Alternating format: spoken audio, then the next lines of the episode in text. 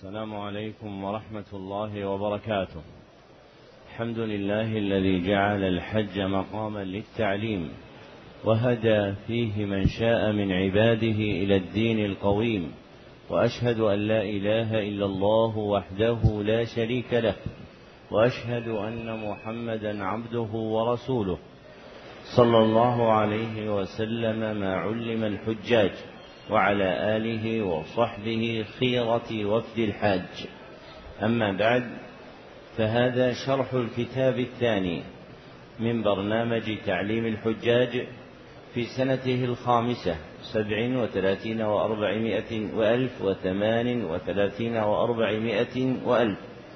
وهو كتاب القول السديد فيما يجب لله تعالى على العبيد. للعلامة محمد بن عبد العزيز بن مانع رحمه الله المتوفى سنة خمس وثمانين وثلاثمائة وألف. نعم. بسم الله الرحمن الرحيم. الحمد لله رب العالمين وصلى اللهم وبارك على نبينا محمد. اللهم اغفر لنا ولشيخنا يا رب العالمين. قال المصنف رحمه الله تعالى بسم الله الرحمن الرحيم. الحمد لله رب العالمين والصلاة والسلام على أشرف المرسلين وعلى آله وأصحابه والتابعين ومن تبعهم بإحسان إلى يوم الدين. أما بعد فاعلم أنه يجب على كل مسلم مكلف أن يتعلم ثلاثة أصول وهي معرفة العبد ربه ودينه ونبيه محمد صلى الله عليه وسلم. وهذه الثلاثة التي يسأل عنها الإنسان في القبر بعد الموت. ابتدأ المصنف رحمه الله كتابه بالبسملة وهي قوله بسم الله الرحمن الرحيم. ثم ثنى بالحمدلة وهي قوله الحمد لله رب العالمين. ثم ثلث بالصلاة والسلام على محمد وعلى آله وصحبه والتابعين. وهؤلاء الثلاث من آداب التصنيف اتفاقا. فمن صنف كتابا استحب له أن يستفتحه بهن. ثم ذكر المصنف أن من الواجبات على كل مسلم مكلف تعلم ثلاثة أصول هي معرفة العبد ربه ودينه ونبيه صلى الله عليه وسلم. فهؤلاء الثلاث واجبات على كل موصوف بوصفين. أحدهما كونه مسلما والآخر كونه مكلفا. واسم التكليف يجمع عندهم العقل والبلوغ. فإذا صار العبد عاقلا بالغا سمي مكلفا. وهذا الاسم من الاصطلاحات الحادثة الناشئة من اسم التكليف. والاسم الذي جعل للمخاطب بالأمر والنهي هو العبد فالذي يتعلق به أمر الشرع ونهيه هو عبد الله. وهؤلاء لا يخصص لا يخص لا يختصن لا يختصصن بالمسلم. فهي واجبة على كل أحد من الخلق. لكن ذكر المسلم باعتبار كون الكتاب مجعولا له. فهذا الكتاب مصنف للمسلمين خاصة. وما فيه من وجوب هؤلاء الثلاث على المسلمين لا يمنع أن جميع الخلق مؤمنهم وكافرهم برهم وفاجرهم عربهم وعجمهم مخاطبون بوجوب هؤلاء الثلاث. فيجب على العبد أن يعرف ربه ودينه ونبيه صلى الله عليه وسلم. ومنشأ وجوب هؤلاء المعارف الثلاث أن الله سبحانه وتعالى أمرنا بالعبادة وخلقنا لها. فقال تعالى يا أيها الناس اعبدوا ربكم وقال تعالى وما خلقت الجن والإنس إلا ليعبدون وامتثال هذه العبادة لا يتأتى إلا بمعرفة ثلاثة أمور. أولها معرفة المعبود الذي تجعل له العبادة. فالعبادة التي أمرك الله سبحانه وتعالى بها لا تجعل لكل أحد وإنما تجعل لمعبود وحده دون غيره. وثانيها أن الخلق مفتقرون إلى من يبلغهم عن المعبود. فالعقول لا تستقل بمعرفة ما يجب للمعبود. وثالثها أن تلك العبادة المأمور بها تتوقف على صفة إذا أداها العبد صار عبدا لله سبحانه وتعالى. فمدار العبادة في امتثالها على معرفة هذه الأمور الثلاث. فمعرفة المعبود هي معرفة الله سبحانه وتعالى. ومعرفة المبلغ عنه هي معرفة رسوله صلى الله عليه وسلم. ومعرفة صفة العبادة هي معرفة دينه. فلا يتأتى لك أن تكون عبدا لله إلا بأن تعرف معبودك الذي هو الله وأن تعرف الرسول الذي أرسل إليك لإبلاغك بهذا الحق وهو محمد صلى الله عليه وسلم. وتعرف صفة عبادته سبحانه التي هي دين الإسلام. فصارت هذه الأمور الثلاثة وهي الأصول الثلاثة المذكورة في كلام المصنف مندرجة في اسم العبادة. فكل آية أو حديث فيهما الأمر بالعبادة ففيهما الأمر بهذه الأصول الثلاث. كقوله تعالى يا أيها الناس اعبدوا ربكم فإنه أمر بمعرفة المعبود الذي تجعل له العبادة وهذه معرفة الله. وهو أمر أيضا بمعرفة المبلغ عن المعبود وهذه معرفة الرسول صلى الله عليه وسلم. وهو أمر أيضا بمعرفة صفة العبادة وهي معرفة دين الإسلام.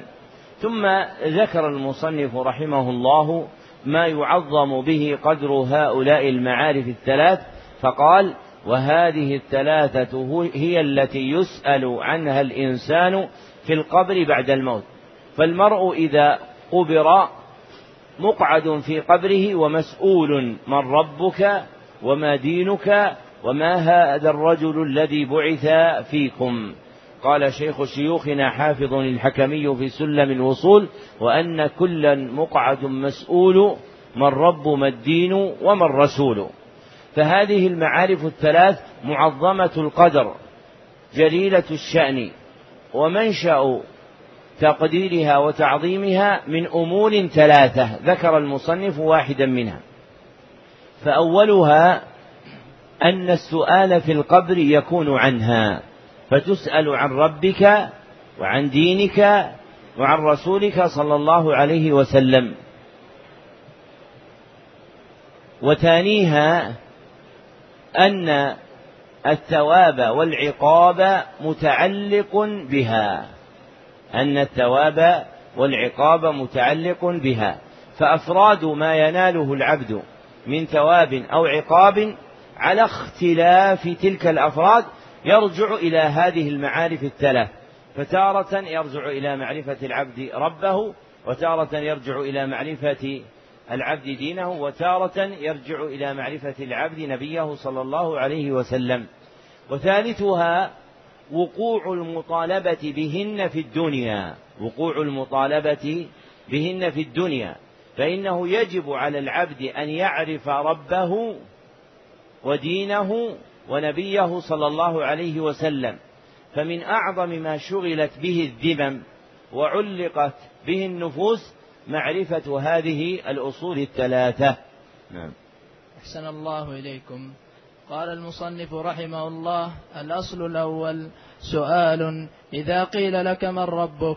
جواب فقل ربي الله الذي رباني بنعمته وخلقني من عدم إلى وجود والرب هو المالك المتصرف ومعنى الله ذو الألوهية والعبودية على خلقه أجمعين. سؤال وإذا قيل لك بأي شيء عرفت ربك؟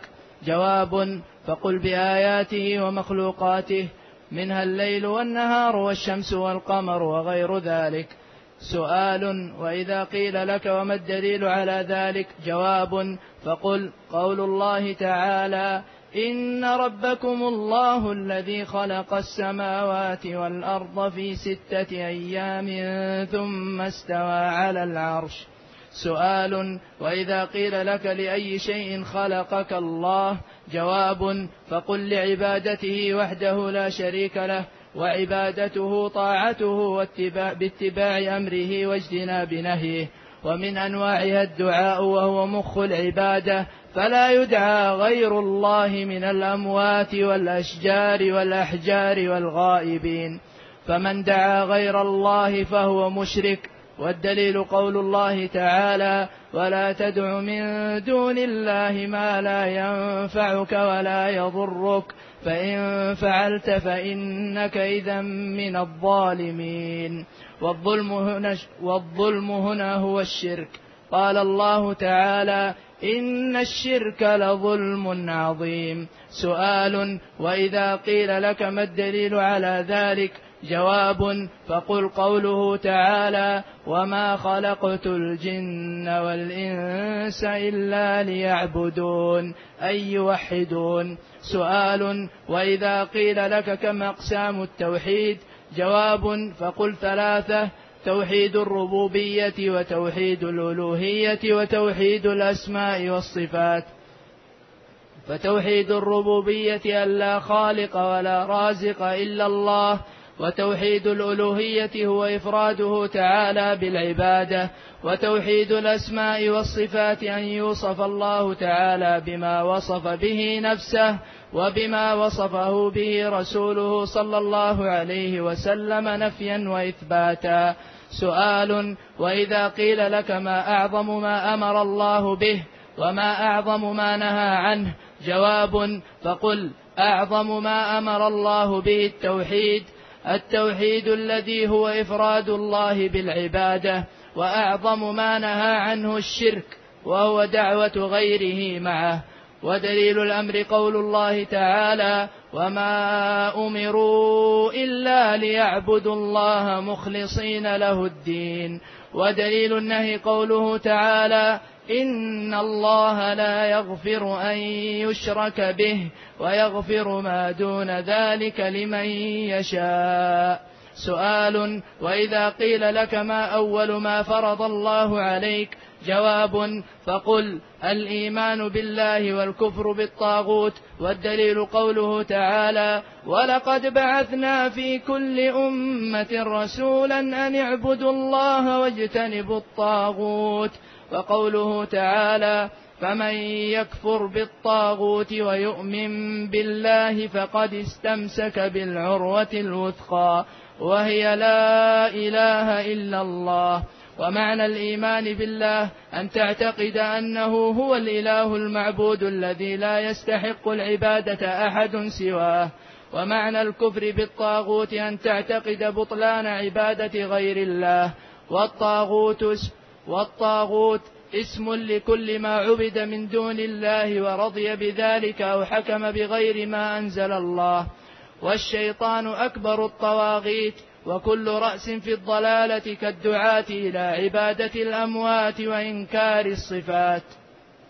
لما ذكر المصنف رحمه الله أنه يجب على العبد معرفة هذه الأصول الثلاثة ربه ودينه ونبيه صلى الله عليه وسلم شرع يبين هذه الأصول أصلا أصلا وسلك رحمه الله في تبيينها مسلك السؤال والجواب لأن من مسالك التعليم الواردة عن النبي صلى الله عليه وسلم إلقاء السؤال وإبداء الجواب للتفهيم. وهذا واقع في أحاديث عدة أشهرها حديث جبريل عليه الصلاة والسلام لما دخل على النبي صلى الله عليه وسلم فقال يا محمد أخبرني عن الإيمان إلى تمام الحديث المخرج في الصحيحين من حديث أبي هريرة وعند مسلم وحده من حديث عمر رضي الله عنه فأخذ بهذا جماعة من أهل العلم فصنفوا في العلم على هيئة إيراد السؤال والجواب ومنهم المصنف لمزيد الانتفاع بهذه الجادة في حق أكثر الخلق فإن ترتيب المعاني للناس فيما يلقى إليهم من العلم على هيئة سؤال وجواب يسهل وصول ما يراد من العلم إليهم. وابتدأ المصنف رحمه الله بالأصل الأول وهو معرفة الله لأنه مقدم تلك الأصول الثلاثة وأعظمها فأعظم المعارف المطلوبة من العبد هي معرفته ربه سبحانه وتعالى. ونظم المصنف تلك المعرفة المطلوبة في سؤالات وأجوبة. فقال رحمه الله سؤال إذا قيل لك من ربك ثم أجاب عنه فقال فقل ربي الله الذي رباني بنعمته. وخلقني من عدم إلى وجود. فمن مشاهد ربوبية الله خلقه تربيتهم تربيته لهم. والتربية ترقية الخلق شيئا فشيئا. فيرقيهم الله سبحانه وتعالى بأنواع الكمالات الجسمانية والروحانية. فلأجل هذه الترقية سميت تربية وصار الله سبحانه وتعالى ربا لأولئك المخلوقين. فهو سبحانه وتعالى صار ربهم بتربيتهم بنعمته شيئا فشيئا. ومبدأ تلك التربية أنه سبحانه وتعالى خلقهم من عدم فجعلهم وجودا. والمقصود بالعدم أنهم كانوا غير موجودين. غير موجودين ثم أبدوا بصورهم الظاهرة في عالم الشهادة. ثم قال والرب هو المالك المتصرف وهذا أعظم معانيه.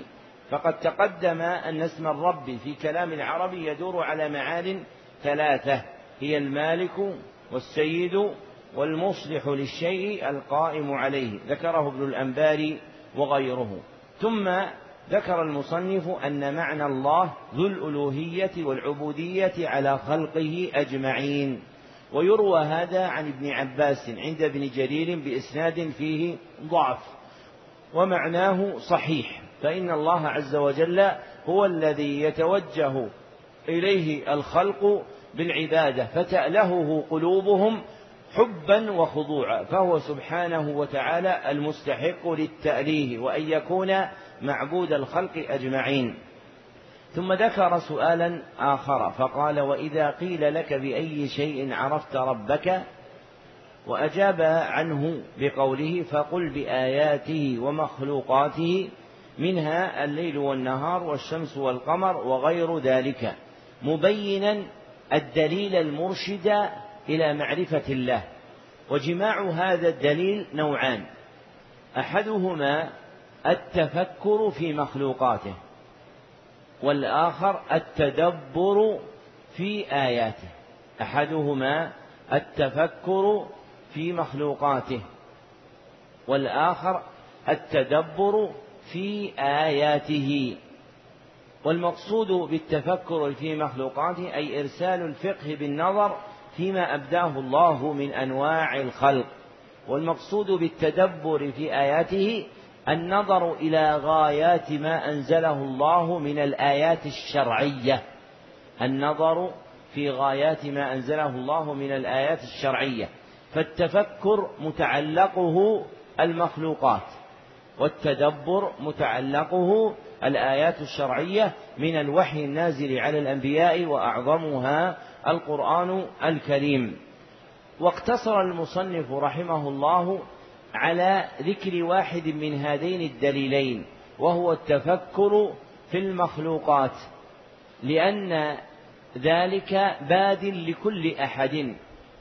فالناس قاطبة مؤمنهم وكافرهم وبرهم وفاجرهم لهم قدرة على إدراك ما بثه الله من شواهد العظمة والملك في مخلوقاته فهو أيسر وصولا وأسهل حصولا في النفوس ومنه ينشأ الإقرار بالربوبية فإن العبد إذا نظر في ملكوت السماوات والأرض فعرف أن تلك الكواكب لها مكوكب وتلك المخلوقات لها خالق. هو الله سبحانه وتعالى حمله ذلك على الإقرار لله سبحانه وتعالى بالألوهية.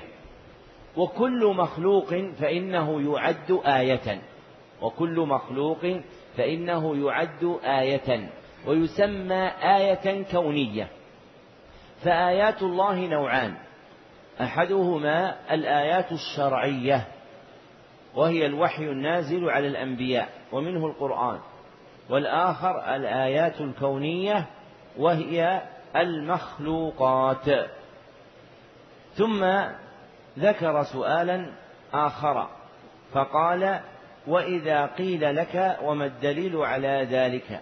وأجاب عنه بقوله فقل قوله تعالى إن ربكم الله الذي خلق السماوات والأرض في ستة أيام. إلى آخر الآية. فالآية المذكورة تدل على أن السماوات والأرض خلق من خلق الله سبحانه وتعالى. وإذا كان الله هو خالقها فهو المستحق أن يكون معبود الخلق. وأوسع أودية تقرير الألوهية في القرآن هو تقرير الربوبية. حتى قال صاحب كتاب مذاهب السلف إن في القرآن خمسمائة آية في الربوبية أي في هذا المعنى. ذكره ابن الوزير في ترجيح أساليب القرآن على أساليب اليونان. وملئ القرآن بهذا لأن العبد إذا وقر في قلبه أن الربوبية لله بملكه وخلقه ورزقه وتدبيره حمله ذلك على الإقرار بأنه سبحانه وتعالى هو المعبود حقا. وقد قيل لأعرابي هل تعرف الله؟ فقال نعم فقيل له بما عرفته. فقال بلسان ابن الصحراء البعرة تدل على البعير والأثر يدل على المسير فسماء ذات أبراج وأراض ذات فجاج وبحار ذات أمواج ألا تدل على الواحد القهار؟ سبحانه وتعالى. فمن أمعن النظر في الربوبية حمله ذلك على الإقرار بأن العبودية تكون لله سبحانه وتعالى. فلا يجعل العبد شيئا من عمله قل أو كثر لغير الله عز وجل فصلاته لله وصيامه لله وحجه لله ودعاؤه لله واستغاثته لله وذبحه لله ونذره لله لأنه سبحانه هو المستحق للألوهية بما بين لنا من شواهد الربوبية. ثم ذكر المصنف سؤالا آخر فقال وإذا قيل لك لأي شيء خلقك الله؟ وأجاب عنه بقوله فقل لعبادته وحده لا شريك له وعبادته طاعته باتباع أمره واجتناب نهيه. جامعا أمرين في جوابه. أحدهما بيان الحكمة من خلقنا وهي عبادة الله. قال تعالى وما خلقت الجن والإنس إلا ليعبدون فالله عز وجل لم يخلقك لتأكل ولم يخلقك لتشرب ولم يخلقك لتركب وإنما خلقك الله سبحانه وتعالى لأمر واحد هي عبادته عز وجل.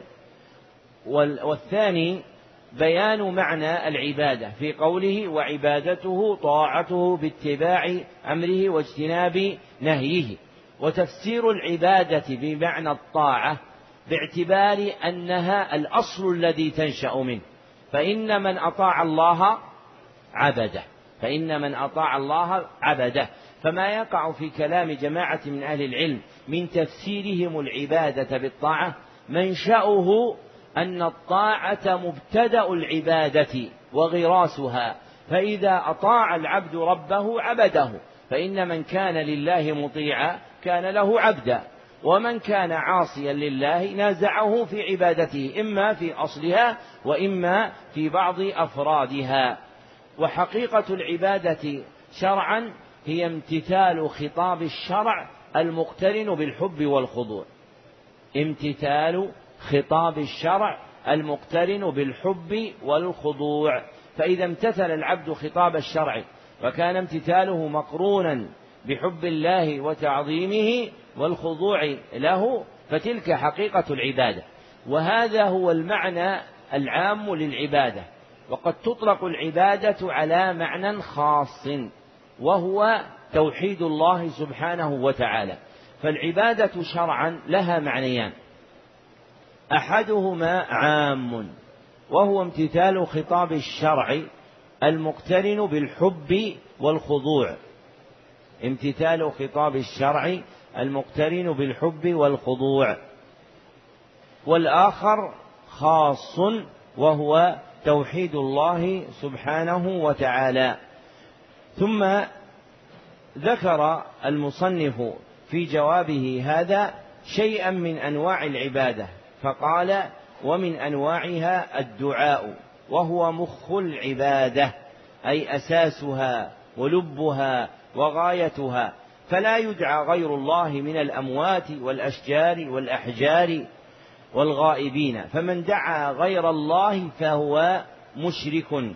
وذكر المصنف رحمه الله الدليل من القرآن على ذلك وهو قوله تعالى ولا تدع من دون الله. الآية وهذه الآية تدل على تحريم دعاء غير الله وأنه شرك أكبر. من وجهين. أحدهما في قوله ولا تدع من دون الله ما لا ينفعك ولا يضرك. وهذا نهي والنهي للتحريم. والآخر في قوله فإنك فإن فعلت فإنك إذا من الظالمين. أي إن دعوت غير الله صرت من الظالمين. والظالم في أعلى مراتبه هو الواقع في الشرك. فإن الشرك يعد ظلما. قال تعالى إن الشرك لظلم عظيم. لما فيه من هضم الربوبية وانتقاص الله عز وجل في حقه في العبادة والألوهية. فدعاء العبد غير الله سبحانه وتعالى فساد في العقل ومحرم في الشرع. ففساده في العقل أن العبد يدعو من لا يضره ولا ينفعه والمرء لا يدعو أحدا إلا رجاء نفعه وخوف ضره. فإذا كان لا يملك ذلك المدعو نفعا ولا ضرا فلا فائدة من دعوته وهو فاسد في الشرع لأن الله سبحانه وتعالى جعل ذلك شركا. وقال ومن أضل ممن يدعو من دون الله من لا يستجيب له إلى يوم القيامة وهم عن دعائهم غافلون. وإذا حشر الناس كانوا لهم أعداء وكانوا بعبادتهم كافرين. ثم ذكر سؤالا آخر. فقال وإذا قيل لك ما الدليل على ذلك؟ وأجاب عنه بقوله فقل قوله تعالى وما خلقت الجن والإنس إلا ليعبدون. أي هذا دليل كون الحكمة من خلقنا هي عبادة ربنا. فقوله تعالى إلا ليعبدون اللام فيه للتعليل. فالخلق من الجن والإنس خلقهم الله سبحانه وتعالى لأجل عبادته. ثم قال المصنف رحمه الله في تفسير يعبدون أي يوحدون. وهذا التفسير له وجهان. أحدهما أنه تفسير للعبادة بأخص أفرادها. تفسير للعبادة بأخص أفرادها. فأعظم العبادة وأعلاها قدرا توحيد الله. والآخر أنه من تفسير العبادة بما وضعت له شرعا وهو التوحيد. أنه من تفسير العبادة بما وضعت له شرعا وهو التوحيد. فاسم العبادة إذا وقع في خطاب الشرع أريد به التوحيد. كقوله تعالى يا أيها الناس اعبدوا ربكم أي وحدوه. قاله ابن عباس رواه ابن جرير وابن أبي حاتم في تفسيريهما. فكل آية مشتملة على فكل آية مشتملة على ذكر عبادة الله فالمراد بها توحيده. ومن هنا قال ابن عباس رضي الله عنه كل ما في القرآن من الأمر بالعبادة فهو التوحيد. كل ما في القرآن من الأمر بالعبادة فهو التوحيد. ذكره البغوي في تفسيره. فمثلا قوله تعالى وما أمروا إلا ليعبدوا الله. معناه وما أمروا إلا إيش؟ ليوحدوا الله. وقوله تعالى فاعبد الله مخلصا له الدين. معناه فوحد الله مخلصا له دينك. ثم ذكر المصنف رحمه الله سؤالا آخر. فقال وإذا قيل لك كم أقسام التوحيد؟ وأجاب عنه بقوله فقل ثلاثة. توحيد الربوبية إلى آخر كلامه. وهذه الأنواع الثلاثة هي أنواع التوحيد بما يجب لله على العبيد. أنواع التوحيد باعتبار ما يجب لله على العبيد. فيجب على العبد أن يوحد الله في ربوبيته ويجب على العبد أن يوحد الله في ألوهيته ويجب على العبد أن يوحد الله في أسمائه وصفاته. وذكر هذه الأنواع الثلاثة موجود في كلام جماعة من المتقدمين كابن حبان في مقدمة روضة العقلاء وابن جرير في تفسيره وابن منده في التوحيد في آخرين. ثم ذكر المصنف رحمه الله ما يبين حقيقة كل نوع منها فقال في توحيد الربوبية فتوحيد الربوبية أنه لا خالق ولا رازق إلا الله. وهذان المشهدان الخلق والرزق من أعظم مشاهد الربوبية التي تكرر ذكرها في القرآن الكريم. قال تعالى الله خالق كل شيء وقال تعالى والله خلقكم وما تعملون. وقال تعالى يبسط الرزق لمن يشاء ويقدر. وقال تعالى وما من دابة إلا على الله رزقها. وصنوهما الملك والتدبير. فأعظم مشاهد الربوبية المكررة في القرآن أربعة. أولها الخلق. وثانيها الرزق. وثالثها الملك. ورابعها تدبير الأمر. من يعيدها؟ نعم. هذه شيء واحد ولا أربعة؟ ما تكون كذا في كلام العرب. لازم تقول الأول الخلق والثاني الملك والثاني الرزق والثالث الملك والرابع تدبير الأمر.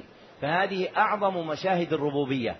واقتصر المصنف على اثنين منها وحقيقة توحيد الربوبية شرعا أنه إفراد الله بذاته وأفعاله. إفراد الله بذاته وأفعاله. فيعتقد العبد أن ذات الله واحدة وأن له سبحانه وتعالى الأفعال الكاملة من الخلق والرزق والإحياء والإماتة والبعث والنشور.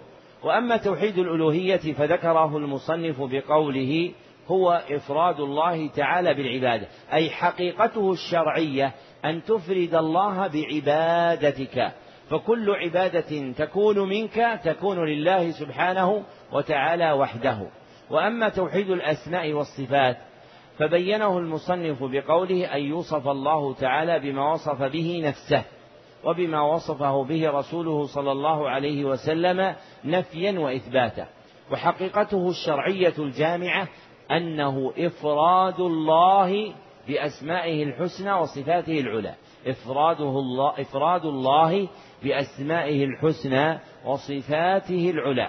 وهذان مذكوران في قول المصنف أن يوصف الله تعالى بما وصف به نفسه. فإن الوصف باعتبار الوضع اللغوي تندرج فيه الأسماء الحسنى. فإن الوصف باعتبار الوضع اللغوي تندرج فيه الأسماء الحسنى. فقول المصنف أن يوصف الله تعالى بما وصف به نفسه أي أن يثبت ما له من الأسماء الحسنى والصفات الإلهية. فكلاهما باعتبار الوضع اللغوي تعد وصفا لله عز وجل. والوضع الشرعي جعل لله أسماء وجعل له سبحانه وتعالى صفات. فقال سبحانه وتعالى ولله الأسماء الحسنى وقال تعالى وله الأسماء الحسنى وقال تعالى ولله المثل الأعلى أي الوصف الأعلى. وقال تعالى سبحان ربك رب العزة عما يصفون وسلام على المرسلين فنزه نفسه عما يصفه به المشركون وسلم على المرسلين لسلامة ما وصفه به ربهم سبحانه وتعالى من النقص والعيب. ومحصل ما تقدم أن أقسام التوحيد وأنواعه باعتبار ما يجب علينا لله ثلاثة. أحدها توحيد الربوبية وهو إفراد الله إيش؟ بذاته وأفعاله. وثانيها توحيد الألوهية وهو إفراد الله في العبادة. وثالثها توحيد الله في الأسماء والصفات وهو إفراد الله بأسمائه الحسنى وصفاته العلى. ومدار الأسماء الحسنى والصفات العلى على خبر الله سبحانه وتعالى. فإنك أنت لو رأيت أحدا في عالم الشهادة لم تعرف اسمه من قبل لم يمكنك أن تناديه باسمه إلا بعلم تعلمه. والله سبحانه وتعالى غيب لا نعلمه إلا بوحي مما علمنا سبحانه وتعالى في قرآنه أو علمنا به رسوله صلى الله عليه وسلم في سنته. فهذا الباب نفيا وإثباتا مداره على ما في كلام الله وكلام رسوله صلى الله عليه وسلم.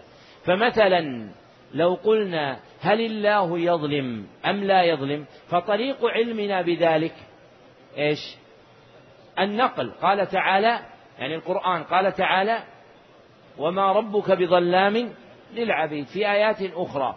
وكذلك إذا أردنا أن نعرف هل من أسماء الله سبحانه وتعالى الرحمن والرحيم كان المفزع إلى الوحي. قال تعالى بسم الله الرحمن الرحيم. وقال تعالى الله لا إله في آخر سورة الحشر قال هو الله الذي لا إله إلا هو الرحمن الرحيم في آيات أخرى في هذا المعنى. ثم ذكر المصنف سؤالا آخر فقال وإذا قيل لك ما أعظم ما أمر الله به وما أعظم ما نهى عنه وأجاب عنه بقوله فقل أعظم ما أمر الله به التوحيد الذي هو إفراد الله بالعبادة وأعظم ما نهى عنه الشرك وهو دعوة غيره معه. وهذا الجواب مشتمل على أمرين. أحدهما بيان حقيقة التوحيد والشرك فالتوحيد شرعا في قوله إفراد الله بالعبادة والشرك شرعا في قوله دعوة غيره معه. وهذان المعنيان هما المعنيان الخاصان للتوحيد والشرك فالتوحيد شرعا له معنيان. أحدهما هذا الأذان وين؟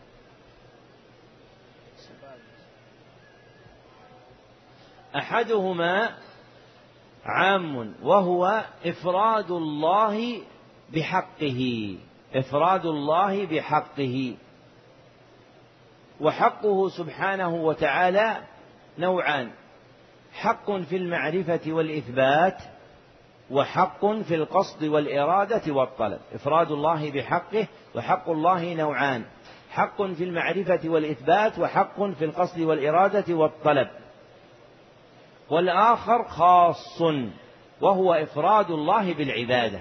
والآخر خاص وهو إفراد الله بالعبادة. وأما الشرك فله معنيان شرعا أيضا. أحدهما عام وهو جعل شيء من حق الله لغيره. جعل شيء من حق الله لغيره. والآخر خاص وهو جعل شيء من العبادة لغير الله. جعل شيء من العبادة لغير الله. والأمر الآخر الذي ذكره ما بينه أن أعظم ما أمر الله به هو التوحيد وأن أعظم ما نهى الله عنه هو الشرك. وذكر الدليل على ذلك فقال ودليل الأمر قوله تعالى وما أمروا إلا ليعبدوا الله مخلصين له الدين وهذا النفي الواقع الواقع بعده استثناء يدل على حصر الأمر في هذا وأن أعظم ما أمروا به هو عبادته سبحانه وتعالى. وما ذكر بعده في قوله ويقيم الصلاة ويؤتوا الزكاة هو تابع لتوحيد الله سبحانه وتعالى. فالله لا يقبل صلاة ولا زكاة لا يكون صاحبها موحدا الله. وأما دليل النهي فقوله تعالى إن الله لا يغفر أن يشرك به ويغفر ما دون ذلك لمن يشاء. فكل ذنب على رجاء مغفرة إلا الشرك فإنه لا يغفر للعبد إن لم يتب منه. وإذا كان كذلك فهو أعظم منهي عنه.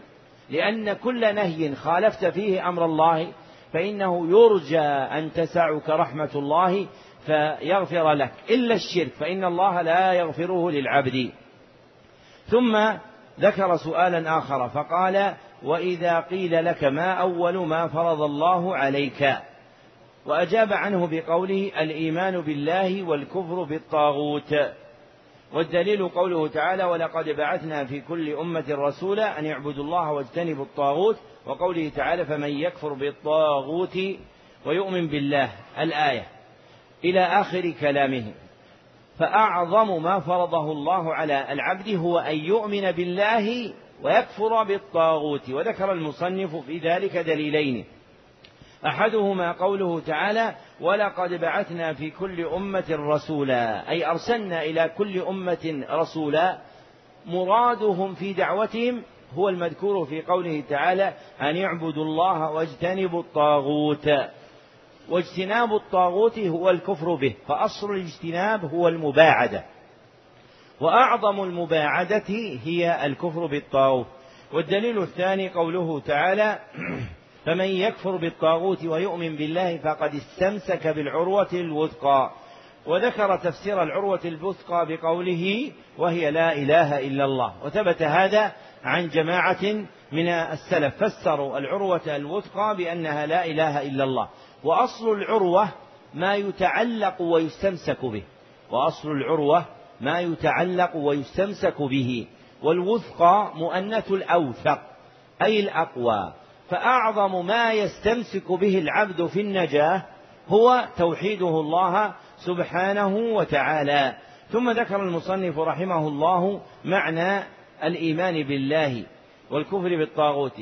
فقال ومعنى الإيمان بالله أن تعتقد أنه هو الإله المعبود الذي لا يستحق العبادة أحد سواه. فيكون قلب العبد معقود على أن العبادة لا تصلح إلا لله وحده فهو المستحق لها وغيره لا يصلح أن يكون معبودا دونه. فإن الذي يخلق ولا يخلق ويرزق ولا يرزق ويملك ولا يملك لا يصلح أن يكون معبودا. وذكر معنى الكفر بالطاغوت فقال أن تعتقد بطلان عبادة غير الله. فيعتقد العبد أن كل عبادة تجعل لغير الله سبحانه وتعالى فهي عبادة باطلة.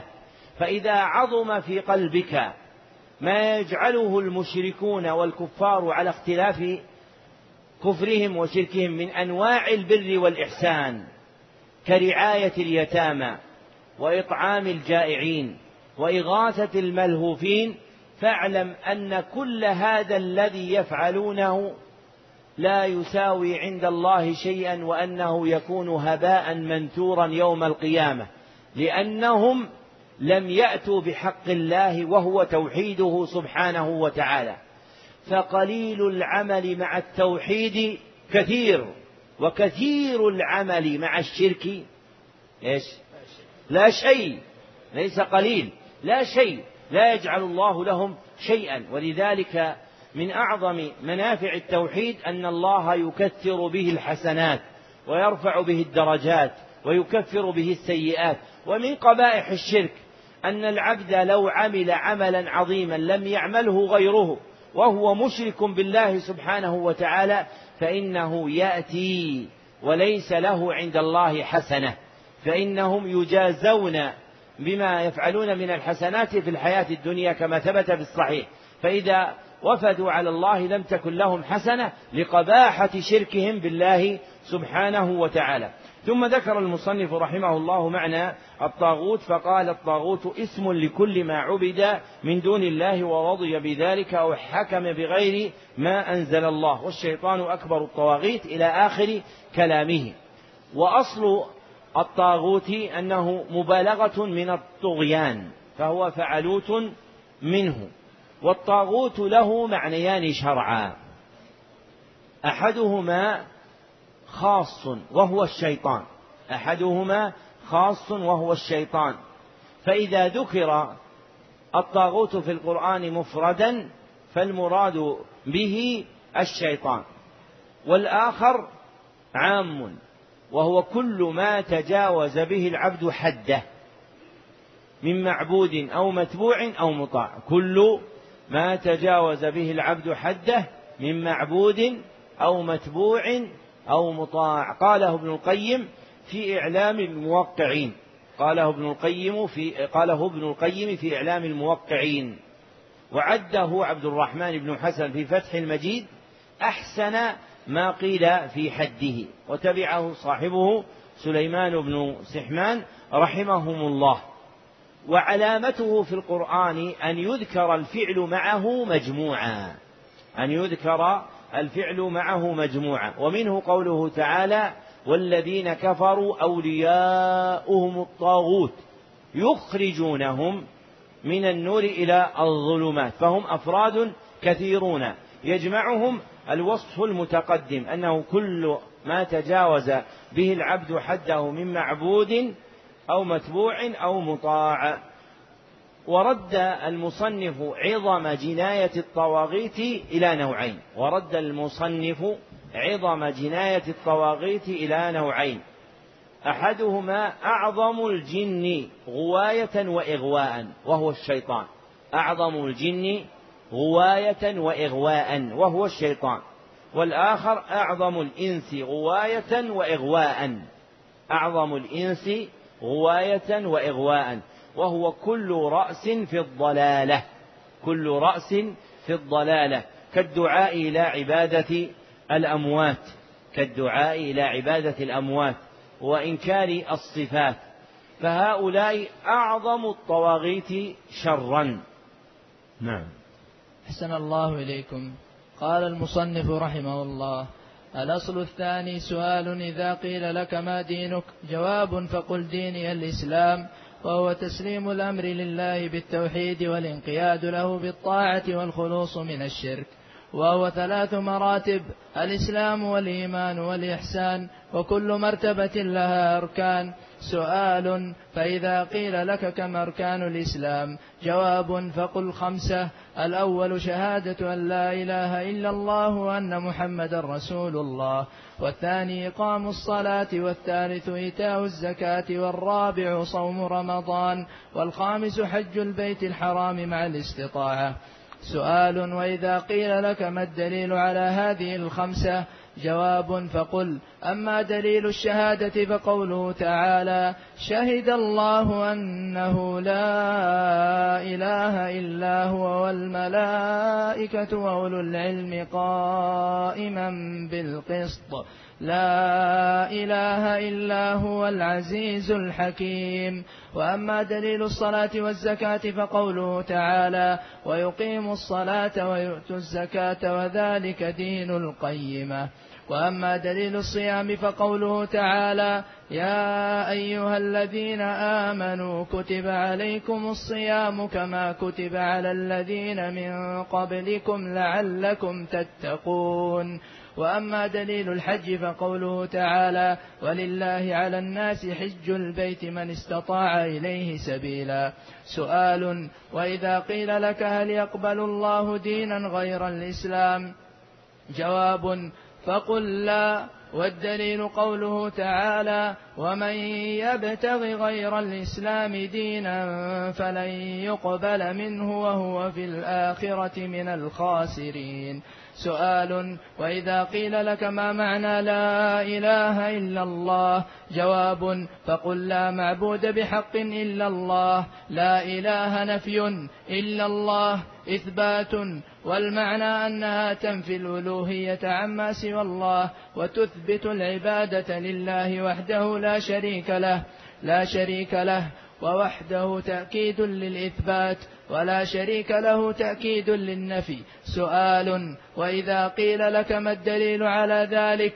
جواب فقل هو قوله تعالى واذ قال إبراهيم لابيه وقومه انني براء مما تعبدون الا الذي فطرني فانه سيهدين وجعلها كلمه باقيه في عقبه لعلهم يرجعون سؤال واذا قيل لك ما اصل دين الاسلام وقاعدته جواب فقل أمران. أحدهما أن نعبد الله وحده والثاني أن نعبده بما شرع. لا نعبده بالبدع. ودليل الأمر الأول قوله تعالى قل يا أهل الكتاب تعالوا إلى كلمة سواء بيننا وبينكم ألا نعبد إلا الله ولا نشرك به شيئا. ودليل الأمر الثاني قوله صلى الله عليه وسلم من عمل عملا ليس عليه أمرنا فهو رد أي مردود عليه غير مقبول. سؤال وإذا قيل لك ما معنى الإيمان لغة وشرعا؟ جواب فقل معناه لغة التصديق. وشرعا تصديق الرسول صلى الله عليه وسلم فيما جاء به من ربه. سؤال وإذا قيل لك كم أركان الإيمان؟ جواب فقل ثلاثة. قول باللسان واعتقاد بالجنان وعمل بالأركان. سؤال وإذا قيل لك كم أصول الإيمان؟ جواب فقل ستة. الإيمان بالله وملائكته وكتبه ورسله واليوم الآخر والإيمان بالقدر خيره وشره من الله تعالى. سؤال وإذا قيل لك ما الدليل على ذلك جواب فقل قوله تعالى آمن الرسول بما أنزل إليه من ربه والمؤمنون كل آمن بالله وملائكته وكتبه ورسله وقوله تعالى ولكن البر من آمن بالله واليوم الآخر والملائكة والكتاب والنبيين ودليل القدر قوله تعالى إنا كل شيء خلقناه بقدر سؤال وإذا قيل لك كم الأنبياء وكم الرسل منهم ومن هم أولو العزم ومن أول الرسل جواب فقل جملتهم مئة, مئة ألف وأربعة وعشرون ألفا والرسل منهم ثلاثمائة وثلاثة عشر وأولو العزم منهم خمسة ذكرهم الشاعر بقوله محمد إبراهيم موسى كليمه ونوح وعيسى هم أولو العزم فاعلمي وأول الرسل نوح وآخرهم محمد صلوات الله وسلامه عليهم أجمعين. سؤال وإذا قيل لك كم أنزل الله من الكتب السماوية؟ جواب فقل مئة صحيفة وأربعة كتب. سؤال وإذا قيل لك ما هي الكتب؟ جواب فقل هي التوراة وأنزلت على موسى والإنجيل وأنزل على عيسى والزبور وأنزل على داود والقرآن أنزل على محمد صلى الله عليه وسلم. سؤال وإذا قيل لك ما هي الصحف؟ جواب فقل هي صحف شيث وهي خمسون وصحف إدريس وهي ثلاثون وصحف إبراهيم وهي عشر. وصحف موسى قبل التوراة وهي عشر. سؤال وإذا قيل لك هل جاء دليل صحيح على بيان عدد الأنبياء والرسل وعلى بيان عدد الكتب؟ جواب فقل ورد حديث في ذلك عن أبي ذر الغفاري رضي الله عنه عن النبي صلى الله عليه وسلم يدل على ما ذكرناه من التفصيل والله أعلم بصحته. ولهذا يجب على كل مسلم أن يؤمن بالأنبياء والرسل والكتب والصحف إيمانا إجماليا. فقد قال الله تعالى ورسلا قد قصصناهم عليك من قبل ورسلا لم نقصصهم عليك. وكلم الله موسى تكليما. سؤال وإذا قيل لك هل يجب الإيمان بما في التوراة والإنجيل اللذين عند اليهود والنصارى اليوم؟ جواب فقل ما فيهما موافق للقرآن فهو حق يجب الإيمان به وما فيهما مخالف للقرآن فهو باطل يجب إنكاره واعتقاد بطلانه. سؤال وإذا قيل لك ما الإحسان؟ جواب فقل هو أن تعبد الله كأنك تراه فإن لم تكن تراه فإنه يراك. سؤال وإذا قيل لك هل يبعث الناس بعد الموت؟ جواب فقل نعم. والدليل على ذلك قوله تعالى منها خلقناكم وفيها نعيدكم ومنها نخرجكم تارة أخرى. سؤال وإذا قيل لك هل يكفر منكر هل يكفر منكر البعث؟ جواب فقل نعم. والدليل على ذلك قوله تعالى زعم الذين كفروا أن لن يبعثوا. قل بلى وربي لتبعثن ثم لتنبؤن بما عملتم وذلك على الله يسير. لما فرغ المصنف رحمه الله من بيان الأصل الأول وهو معرفة العبد ربه أتبعه ببيان الأصل الثاني وهو معرفة العبد دين الإسلام منظوما فيما سبق أن سلك فيه نظيره من السؤال والجواب. وابتدأه بذكر سؤال قائلا سؤال إذا قيل لك ما دينك؟ وأجاب عنه بقوله فقل ديني الإسلام وهو تسليم الأمر لله بالتوحيد إلى آخر ما ذكر. فالدين الذي أمرنا أن ندين لله به هو دين الإسلام. قال تعالى إن الدين عند الله الإسلام. وحقيقة الإسلام الاستسلام لله بالتوحيد. وحقيقة الإسلام الاستسلام لله بالتوحيد. وهذا معناه العام. فالإسلام الشرعي له معنيان. فالإسلام الشرعي له معنيان. أحدهما عام وهو الاستسلام لله بالتوحيد. وهو دين الأنبياء جميعا. والآخر خاص وهو الدين الذي جاءنا به محمد صلى الله عليه وسلم فإنه يسمى إسلاما ومنه الأعمال الظاهرة فالشرائع الظاهرة البينة من الإسلام تسمى أيضا إسلاما من تسمية البعض باسم الكل من تسمية البعض باسم الكلي. ثم ذكر المصنف أن الإسلام له ثلاث مراتب أي باعتبار معناه الخاص وهو الدين الذي بعث به محمد صلى الله عليه وسلم. فالمرتبة الأولى الإسلام وتطلق على الأعمال الظاهرة. المرتبة الأولى الإسلام وتطلق على الأعمال الظاهرة. والمرتبة الثانية الإيمان وتطلق على الاعتقادات الباطنة. والمرتبة الثالثة الإحسان. وتطلق على إتقان الظاهر والباطن. وتطلق على إتقان الظاهر والباطن. وكل مرتبة لها أركان كما قال. وما بعد هذا من كلامه فهو تفصيل لهذه الجملة. فإنه سيذكر أركان كل مرتبة من هذه المراتب الثلاثة ثم ذكر سؤالا فقال سؤال فإذا قيل لك كم أركان الإسلام؟ وأجاب عنه بقوله فقل خمسة. لوقوع عدها كذلك في حديث ابن عمر رضي الله عنهما في الصحيحين أن النبي صلى الله عليه وسلم قال بني الإسلام على خمس ثم عدهن. فهؤلاء الخمس هن مباني الإسلام. وأركانه العظام. وأجاب بتعيينهن قائلا الأول شهادة أن لا إله إلا الله وأن محمدا رسول الله والثاني إقام الصلاة والثالث إيتاء الزكاة والرابع صوم رمضان والخامس حج البيت الحرام مع الاستطاعة. فالركن الأول هو الشهادة والشهادة التي هي ركن هي الشهادة لله بالتوحيد ولمحمد صلى الله عليه وسلم بالرسالة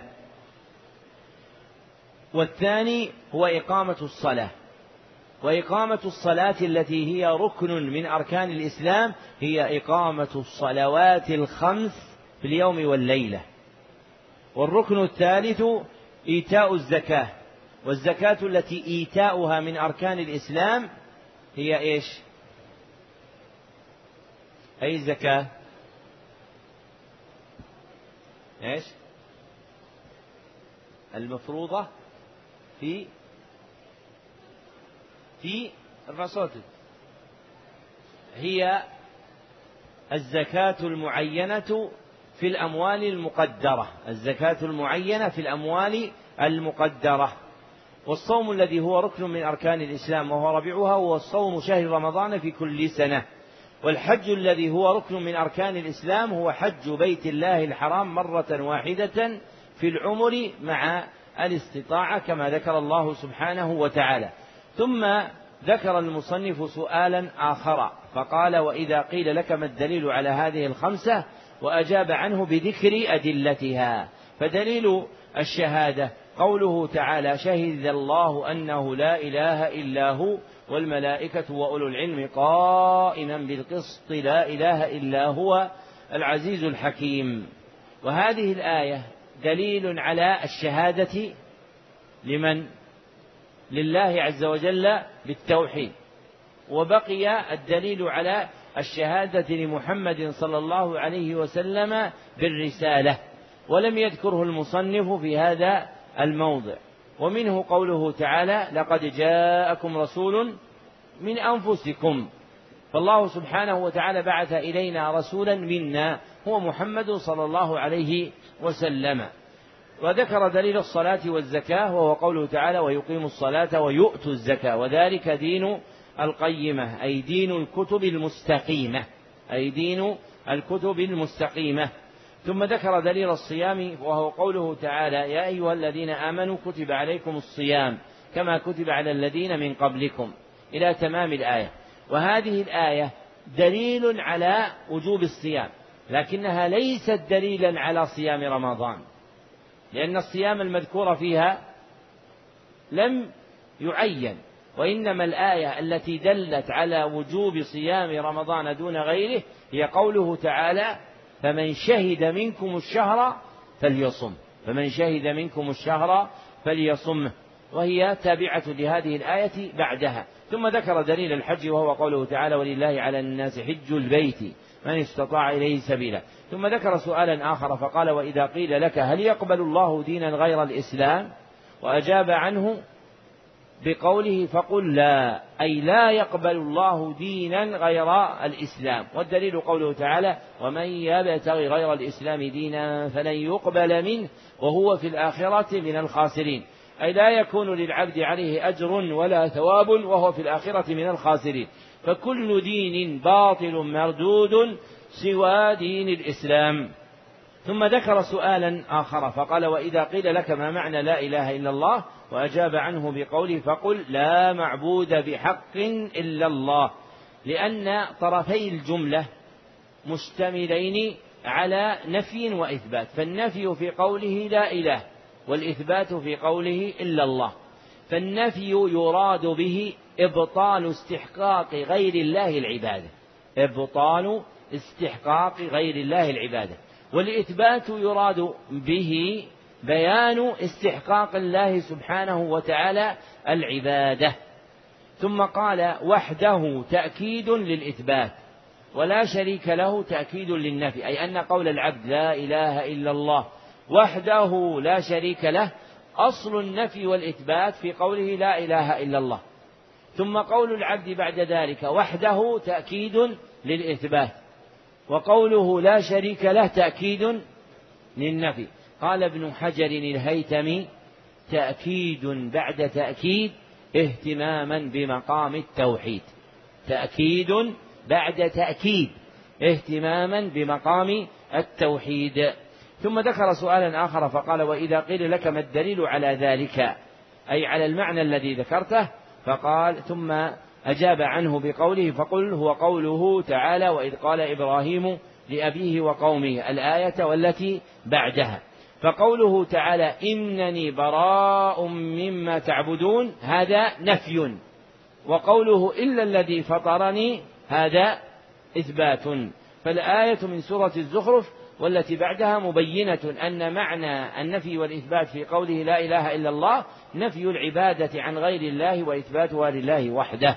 ثم ذكر سؤالا آخر فقال وإذا قيل لك ما أصل دين الإسلام وقاعدته وأجاب عنه بقوله فقل أمران. أحدهما أن نعبد الله وحده والثاني أن نعبده بما شرع لا نعبده بالبدع.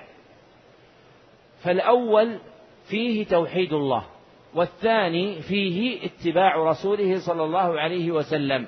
فمن وحد الله لم يكن له معبود سواه ومن اتبع الرسول صلى الله عليه وسلم لم يعبد الله إلا بالدين الذي جاء به النبي صلى الله عليه وسلم. ثم ذكر دليلين على هذين الأمرين. فدليل الأمر قوله تعالى قل يا أهل الكتاب تعالوا إلى كلمة سواء بيننا وبينكم الا نعبد إلا الله ولا نشرك به شيئا. فالعبادة هي لله سبحانه وتعالى وحده. ودليل الثاني قوله صلى الله عليه وسلم من عمل عملا ليس عليه أمرنا فهو رد. أي لا يقبل من العبد أن يعمل عملا لم يأتي به النبي صلى الله عليه وسلم. فالنبي صلى الله عليه وسلم أمرنا أن نعبد الله بما شرع لا أن نعبده بالأهواء والبدع لأننا لا نستقل بمعرفة ما يصلح لله من العبادة. ونحن مفتقرون إلى الاهتداء بهديه صلى الله عليه وسلم فيما نعبد به الله عز وجل. ثم ذكر المصنف رحمه الله تعالى سؤالا آخر فقال وإذا قيل لك وإذا قيل لك ما معنى الإيمان لغة وشرعا. وأجاب عنه بقوله فقل معناه التصديق وشرعا تصديق الرسول صلى الله عليه وسلم فيما جاء به من ربه. وما ذكره من معنى الإيمان أنه في اللغة التصديق يراد به التصديق الجازم لا مطلق التصديق فال فيه عهدية؟ فلا يراد بالإيمان مجرد حصول أدنى تصديق وإنما يراد تصديق جازم مجتمع على العقد والعزم الصادق. وهذا هو الذي ذكره المصنف في حقيقته الشرعية لما قال وشرعا تصديق الرسول صلى الله عليه وسلم فيما جاء به من أمره. فإنه أراد بالتصديق هنا منشأ الإيمان فإن منشأ الإيمان بالله أن يصدق العبد بما جاء به الرسول صلى الله عليه وسلم. فيندرج في ذلك القول والعمل. فما يقع في كلام علماء أهل السنة مما يشكل يرد إلى أصولهم فإن المصنف لا يرى أن الإيمان مجرد التصديق وهذا ظاهر في كلامه في مواضع أخرى من كتبه. فمراده هنا بيان الأصل الذي ينشأ منه القول والعمل. فحقيقة الإيمان قول وعمل ولا يوجد هذا القول والعمل إلا إذا صدق العبد الرسول صلى الله عليه وسلم. ثم ذكر سؤالا آخر فقال وإذا قيل لك كم أركان الإيمان وأجاب عنه بقوله فقل ثلاثة قول باللسان واعتقاد بالجنان وعمل بالأركان وهذه هي حقيقة الإيمان التي تنشأ من التصديق أن العبد يعتقد بقلبه ويقول بلسانه ويعمل بأركانه أي بجوارحه ثم ذكر سؤالا آخر فقال وإذا قيل لك كم أصول الإيمان ثم أجاب عنه بقوله فقل ستة الإيمان بالله وملائكته وكتبه ورسله واليوم الآخر والإيمان بالقدر خيره وشره من الله تعالى. وهذه الأصول تسمى أيضا أركان الإيمان. ثم ذكر سؤالا آخر فقال وإذا قيل لك ما الدليل؟ وأجاب عنه ببيان الأدلة الدالة على كون هؤلاء الستة هن أصول الإيمان وأركانه. في قوله تعالى آمن الرسول بما أنزل إليه من ربه والمؤمنون. كل آمن بالله وملائكته وكتبه ورسله. الآية. ثم ذكر الآية الأخرى ولكن البر ولكن البر من آمن بالله واليوم الآخر والملائكة والكتاب والنبيين. ثم ذكر دليل القدر وهو قوله تعالى إنا كل شيء خلقناه بقدر. فأركان الإيمان تدور على هؤلاء الستة. ثم ذكر رحمه الله تعالى خمسة أسئلة في نسق واحد مأخوذة من حديث واحد. مبتدأها قوله وإذا قيل لك كم الأنبياء وكم الرسل ومنتهاها قوله وإذا قيل لك هل جاء دليل صحيح على بيان عدد الأنبياء والرسل. فهؤلاء الأسئلة الخمسة وأجوبتها مردها إلى حديث أبي ذر الغفاري الطويل عند ابن حبان. وإسناده ضعيف. ففيه إبراهيم بن هشام الغساني أحد المتروكين. وأول تلك الأسئلة في قوله وإذا قيل لك كم الأنبياء وكم الرسل أي كم عددهم؟ وأجاب عنه بقوله فقل جملتهم مئة, مئة ألف وأربعة وعشرون ألفا والرسل منهم ثلاثمائة وثلاثة عشر. كما وقع في حديث أبي ذر وهو حديث ضعيف. لكن صح عدد الرسل. في حديث أبي أمامة رضي الله عنه عند البخاري في خلق أفعال العباد والطبراني في الأوسط والدارمي في الرد على الجهمية أن النبي صلى الله عليه وسلم سأله رجل هل كان آدم نبيا؟ فقال نعم مكلم معلم. فسأله عن عدد الرسل فقال ثلاثمائة وخمسة عشر رسولا. فعدة الأنبياء ثلاثمائة وخمسة عشر رسولا. وأما فعدد الرسل ثلاثمائة وخمسة عشر رسولا. وأما عدد الأنبياء فلا نعلم عدتهم. ثم ذكر أن أولي العزم من الرسل هؤلاء الخمسة محمد وإبراهيم وموسى ونوح وعيسى عليهم الصلاة والسلام. وهذا أحد الأقوال في تفسير قوله تعالى فاصبر كما صبر أولو العزم من الرسل والصحيح أن العزم صفة للرسل جميعا. أن العزم صفة للرسل جميعا. فالمراد بأولي العزم الأنبياء جميعا. وهذا قول عبد الرحمن بن زيد بن أسلم من التابعين. واختيار علي بن مهدي الطبري. وهذا قول عبد الرحمن بن زيد بن أسلم من التابعين. واختيار علي بن مهدي الطبري وهو الذي تدل عليه الأدلة. ثم ذكر أن أول الرسل هو نوح وآخرهم محمد صلوات الله وسلامه عليهم أجمعين.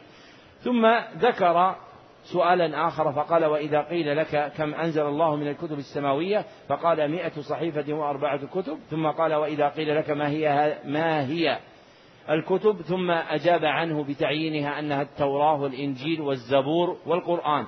ثم قال وإذا قيل ما هي الصحف أجاب عنه بأنها صحف شيث وهو إدريس عليه الصلاة والسلام في قول وفي قول آخر أنه أبو إدريس وأن شيث ابن آدم والمشهور الأول. قال وصحف إدريس وصحف إبراهيم وصحف موسى. وهذه المعدودات المذكورة رويت مصرحا بها في حديث أبي ذر الغفاري الطويل الذي ذكرته لك الذي رواه ابن حبان في صحيحه وإسناده ضعيف بمرة. ولذلك ذكر المصنف سؤالا آخر يتعلق بما تقدم فقال هل جاء دليل صحيح على بيان عدد الأنبياء والرسل وعلى بيان عدد الكتب؟ ثم أشار إلى هذا الحديث فقال ورد حديث بذلك عن أبي ذر الغفاري عن النبي صلى الله عليه وسلم يدل على ما ذكرناه من التفصيل والله أعلم بصحته وتردد في صحته لأن ابن حبان صححه وغيره ضعفه والأظهر ضعفه ففي إسناده إبراهيم بن هشام الغساني أحد المتروكين. والواجب على العبد أن يؤمن بأنبياء الله ورسله وكتبه وصحفه إيمانا إجماليا. بما أخبر الله سبحانه وتعالى عنه. وأما التفصيل فلا يجب فيه شيء لعدم الدليل. ثم ذكر سؤالا آخر فقال وإذا قيل لك هل يجب الإيمان بما في التوراة والإنجيل اللذين عند اليهود والنصارى اليوم؟ ثم أجاب عنه بما يدل أن هذه الكتب صارت بعد إنزال القرآن وبعثة النبي صلى الله عليه وسلم منسوخة لا يعمل بها ولا قيمة لها. فما فيها من الحق فهو في أين؟ في القرآن. وما فيها من الباطل فنحن في غنية عنه. فيؤمن العبد بأن الله أنزل التوراة على موسى عليه الصلاة والسلام وأنزل الإنجيل على عيسى عليه الصلاة والسلام. وأن الذي بأيدي أهل الكتاب اليوم دخله التحريف والتبديل والتغيير. وأنه لو قدر صحة شيء من هذه الكتب لو وجدت نسخة سالمة من التحريف والتبديل فإنه لا حاجة للعبد بها فإن الله أغنانا ببعثة محمد صلى الله عليه وسلم إلينا وإنزال القرآن عليه. ثم ذكر سؤالا آخر فقال وإذا قيل لك ما الإحسان؟ وهذه هي المرتبة الثالثة من مراتب الدين وأجاب عنه بقوله فقل هو أن تعبد الله كأنك تراه فإن لم تكن تراه فإنه يراه. وهذا الجواب مشتمل على مقامين. أحدهما مقام المشاهدة بأن يعبد المرء الله سبحانه وتعالى مستحضرا كأنه يشاهده مستحضرا كأنه يشاهده. والآخر مقام المراقبة وهو أن يعبد المرء الله مستحضرا أنه مراقب له مطلع عليه. أن يعبد المرء الله مستحضرا مستحضرا أنه مراقب له مطلع عليه. ذكره أبو الفرج ابن رجب رحمه الله. ثم ذكر سؤالا آخر فقال وإذا قيل لك هل يبعث الناس بعد الموت؟ وأجاب عنه بقوله نعم. والدليل قوله تعالى منها خلقناكم وفيها نعيدكم الآية. فالله سبحانه وتعالى سيبعث, سيبعث الناس بعد الموت. فالبعث شرعا هو إيش؟ ما الجواب؟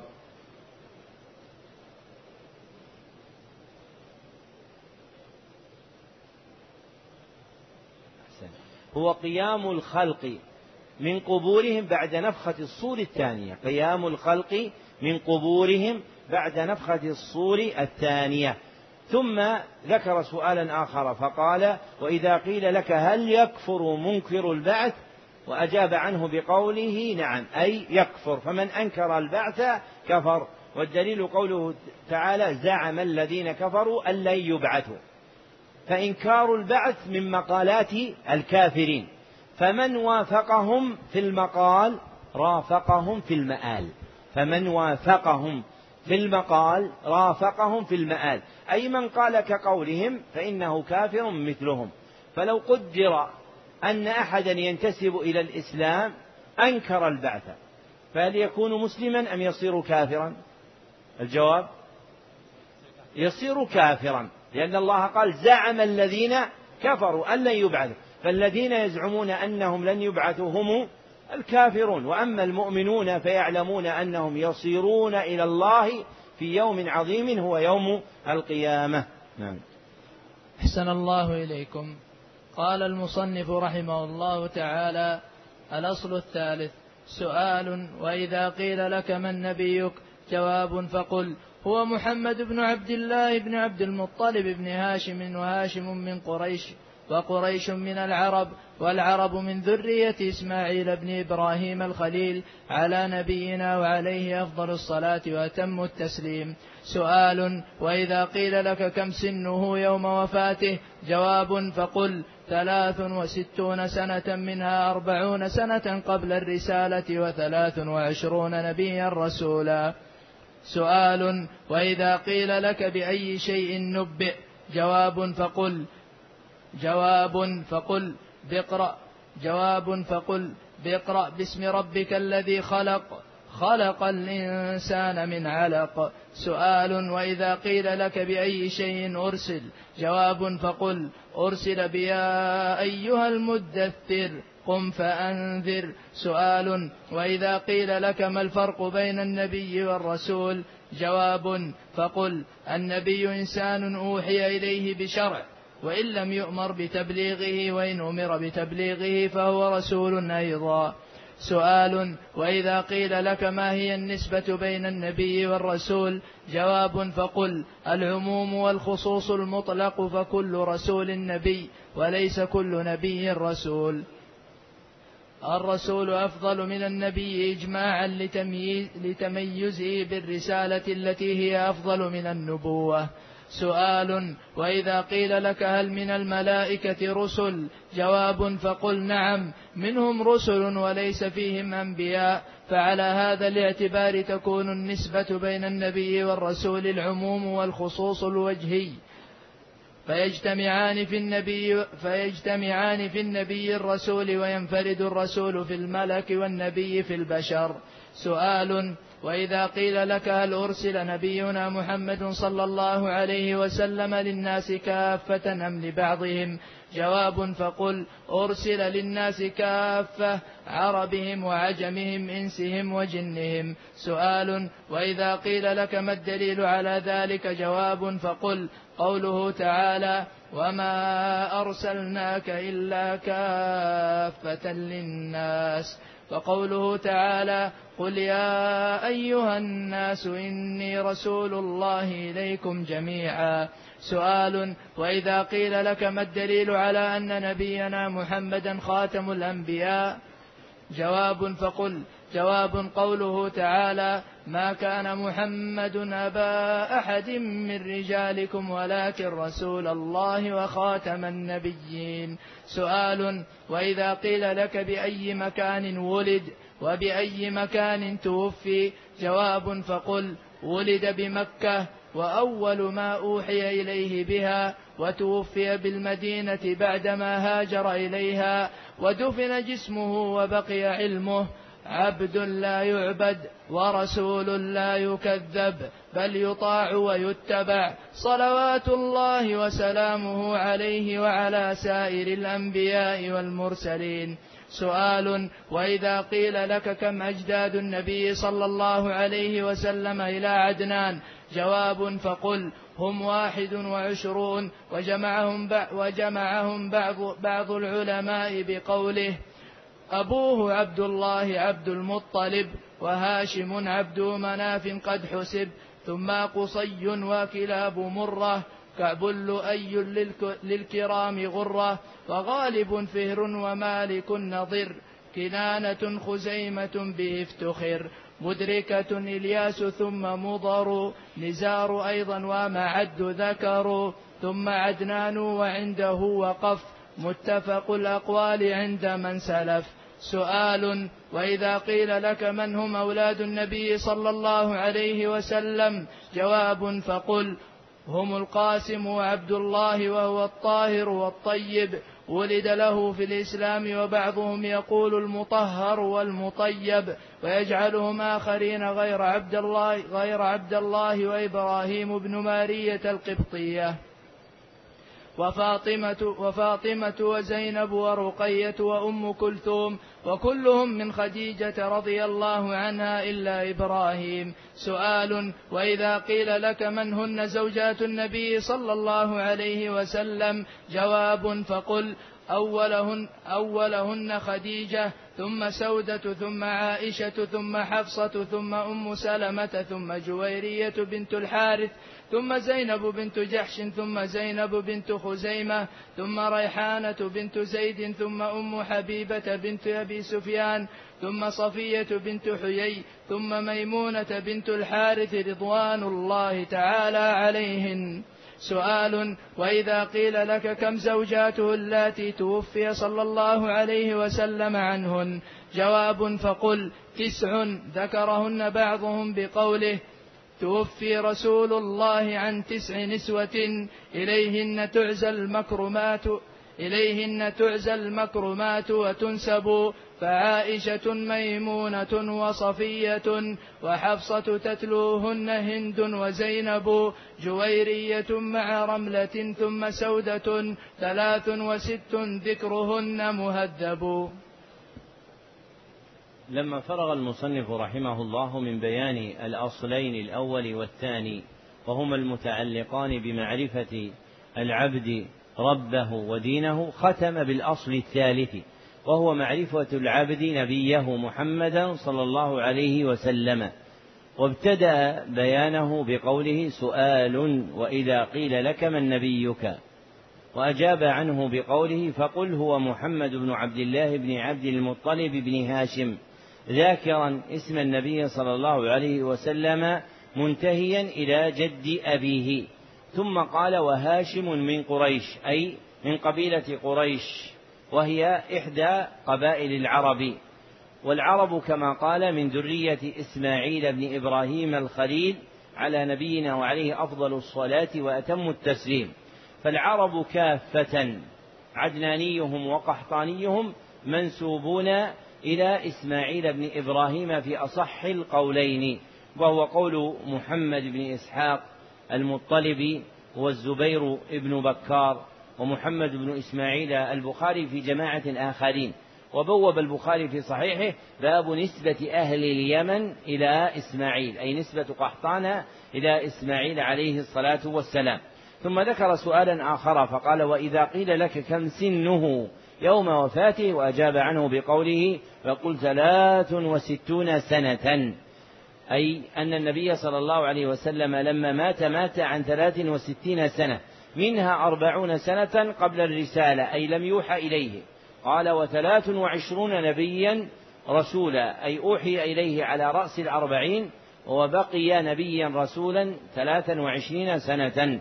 ثم ذكر سؤالا آخر فقال وإذا قيل لك بأي شيء نبئ وأجاب عنه بقوله فقل بي اقرأ باسم ربك الذي خلق خلق الإنسان من خلق وأردفه بسؤال آخر فقال سؤال وإذا قيل لك بأي شيء أرسل؟ وأجاب عنه بقوله فقل أرسل بيا أيها المدثر قم فأنذر. أي أنه ثبت للنبي صلى الله عليه وسلم مرتبة النبوة أولا بإنزال سورة العلق إليه. وثبت له مرتبة الرسالة ثانيا بإنزال سورة المدثر عليه. وبيان ذلك أن النبي صلى الله عليه وسلم كان غافلا عما يراد به من الرسالة والنبوة. فلما أنزل عليه الوحي ثبتت له أقل مراتبه وهي مرتبة النبوة. ثم ارتفع عنها صلى الله عليه وسلم لما أنزلت عليه سورة المدثر. إذ في سورة المدثر أنه مبعوث إلى قوم مخالفين له من الكافرين. وهذا وصف الرسول في أصح الأقوال. فالرسول هو الذي يبعث إلى قوم مخالفين والنبي هو الذي يبعث إلى قوم موافقين وهو اختيار أبي العباس بن تيمية الحفيد في كتاب النبوات. فمعنى قولهم عند ذكر النبي صلى الله عليه وسلم نبئ بإقرأ وأرسل بالمدثر أي ثبتت له النبوة بإنزال سورة العلق وثبتت له الرسالة بإنزال سورة المدثر. وموجب ذلك أنه لما أنزلت عليه سورة العلق علم أنه موحى إليه. وأقل مرتبة لمن يوحى إليه أنه يكون نبيا. فثبتت له النبوة ثم لما أنزلت سورة المدثر وفيها بعثه إلى مخالفين في قوله تعالى قم فأنذر وربك فكبر علم أنه صلى الله عليه وسلم نبي رسول. ثم سأل سؤالا آخر. فقال وإذا قيل لك ما الفرق بين النبي والرسول؟ وأجاب عنه بأن النبي إنسان أوحي إليه بشرع. وإن لم يؤمر بتبليغه. وإن أمر بتبليغه فهو رسول أيضا. فالفرق وفق هذا القول أن النبي يكون غير مأمور بالتبليغ. وأما الرسول فإنه يكون مأمورا بالتبليغ. والمراد بالتبليغ هنا عند القائلين بهذا المقاتلة على الدعوة. المقاتلة على الدعوة. إذ ليس كل نبي يؤذن له بقتال قومه. إذ ليس كل نبي يؤذن له بقتال قومه. أما التبليغ الذي هو إيصال رسالة الله فإن الله قال فإن لم تفعل فما بلغت رسالته. فهذا ينزه عنه الأنبياء. فالذين يطلقون التبليغ مرادهم المقترن بمقاتلة قومهم عليه. إذ ليس كل نبي يؤذن له بقتال قومه. وكما تقدم في الصحيح أن النبي هو من بعث إلى قوم موافقين والرسول من بعث إلى قوم مخالفين. ثم ذكر سؤالا آخر فقال وإذا قيل لك ما هي النسبة بين النبي والرسول؟ فقال وأجاب عنه بقوله فقل العموم والخصوص المطلق. فكل رسول نبي وليس كل نبي رسول. أي أن من ثبتت له الرسالة فإنه نبي فكل رسول نبي. وأما النبي فإنه لا يكون رسولا فقد يكون رسولا وقد لا يكون رسولا. والمراد بهذا المعنى الخاص. وأما باعتبار المعنى العام فالذين يبعثهم الله إلى الناس يسمون رسلا ويسمون أنبياء. قال تعالى كان الناس أمة واحدة فبعث الله إيش؟ النبيين فيسمون جميعا أنبياء. وقال تعالى ورسلا قد قصصناهم عليك ورسلا لم نقصصهم عليك. وقال تعالى وما أرسلنا من قبلك من رسول. فيسمى كل من يبعث رسولا ويسمى نبيا باعتبار المعنى العام. وأما باعتبار المعنى الخاص فالرسول يختص بمن بعث إلى قوم مخالفين ويختص النبي ببعثه إلى قوم موافقين. ثم ذكر أن الرسول أفضل من النبي إجماعا بتمييزه بالرسالة لتميزه بالرسالة التي أفضل من النبوة. ثم ذكر سؤالا آخر فقال وإذا قيل لك هل, هل من الملائكة رسل؟ وأجاب عنه بقوله فقل نعم منهم رسل وليس فيهم أنبياء. فالملائكة يكون منهم رسلا يكون منهم رسل ولكن ليس منهم أنبياء. قال فعلى هذا الاعتبار تكون النسبة بين النبي والرسول العموم والخصوص الوجهي أي يعم كل واحد منهما من وجه ويخص من وجه آخر. قال فيجتمعان في النبي الرسول وينفرد الرسول في الملك والنبي في البشر. فالرسل ليس فيهم أنبياء فالملائكة ليس فيهم أنبياء ولكن فيهم رسل. والبشر فيهم رسل وفيهم وفيهم أنبياء. لكن رسل الملائكة يبعثون إلى الملائكة وإلى البشر. لكن رسل الملائكة يبعثون إلى الملائكة وإلى البشر. وأما رسل البشر فيبعثون إلى البشر. فهذا معنى قوله العموم والخصوص الوجهي ثم أورد سؤالا آخر فقال وإذا قيل لك هل أرسل نبينا محمد صلى الله عليه وسلم للناس كافة أم لبعضهم؟ وأجاب عنه بقوله أرسل للناس كافة عربهم وعجمهم وإنسهم وجنهم. يعني الجن من الناس أم ليسوا من الناس؟ ها؟ من الناس. الجن من الناس. في أصح القولين. فإن الله سبحانه وتعالى بعث محمدا صلى الله عليه وسلم للناس جميعا. قال قل يا أيها الناس إني رسول الله إليكم جميعا. مع قوله وما خلقت الجن والإنس إلا ليعبدون فالجن يسمون ناسا لكن لا يسمون إنسا. والناس مأخوذ من النوس وهو الحركة والاضطراب. وهو الحركة والاضطراب. وفي الحديث الإلهي حديث أبي ذر عند مسلم أن الله قال يا عبادي لو أن أولكم وآخركم وإنسكم وجنكم قاموا في صعيد واحد ثم أعطيت كل إنسان مسألته. فالفرد من الجن إنسان كما أن الفرد من الإنس يسمى إنسانا. ويسمى الفرد من الجن رجلا كما يسمى الفرد من الإنس رجلا. والدليل قوله تعالى وأنه كان رجال إيش؟ من الإنس يعودون برجال من الجن. طيب هل في الجن امرأة؟ يعني فيها رجل بنص القرآن. هل في الجن امرأة؟ نعم ما الدليل؟